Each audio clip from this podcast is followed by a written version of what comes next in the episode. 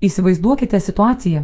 Pamatote finansiškai patrauklų norimo darbo skelbimą, atvykstate į darbo pokalbį, įmonė jumsis į pasiūlo darbo vietą, tačiau iš pokalbio išeinate nusivylę. Kodėl? Nes darbdavys nurodė atlyginimą ant popieriaus, o jūs manėte, kad minimas atlyginimas yra atskaičius mokesčius. Atlyginimas prieš ir po mokesčių yra vadinami atitinkamai bruto ir neto darbo užmokesčių.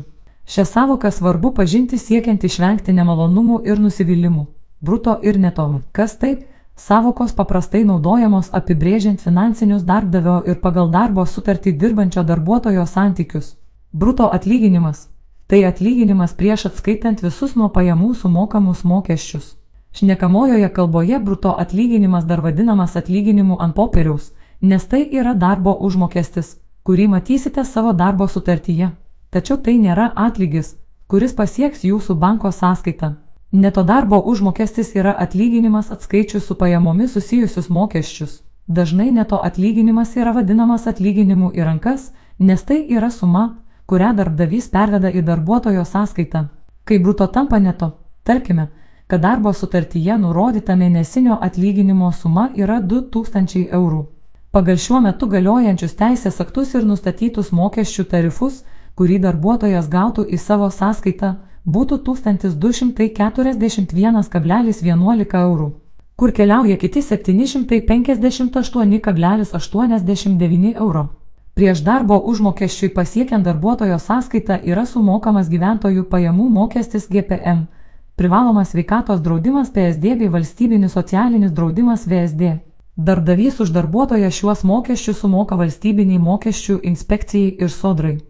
Nors, priklausomai nuo pajamų dydžio ir pajamų pobūdžio, GPM procentas gali šiek tiek varijuoti, standartinis jo tarifas 20 procentų nuo apmokestinamų pajamų, kai gautos asmens pajamos per metus neviršyje 60 vidutinių darbo užmokesčių dydžio. Tačiau egzistuoja ir pajamų dalis, kuriai nėra taikomas pajamų mokestis. Tai Neapmokestinamų pajamų dydis MPD.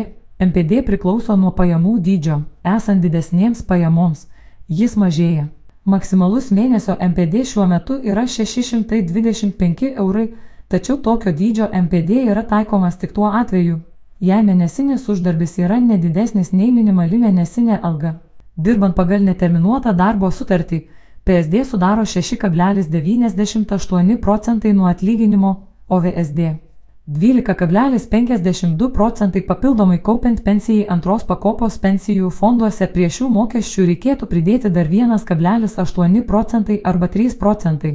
Priklausomai nuo pasirinkto kaupimo tarifo, dirbant individualiai, pavyzdžiui, pagal individualios veiklos pažymą, sumokami mokesčiai skiriasi nuo darbo santykių atlyginimų. Kada atskirti savokas tampa labai svarbu.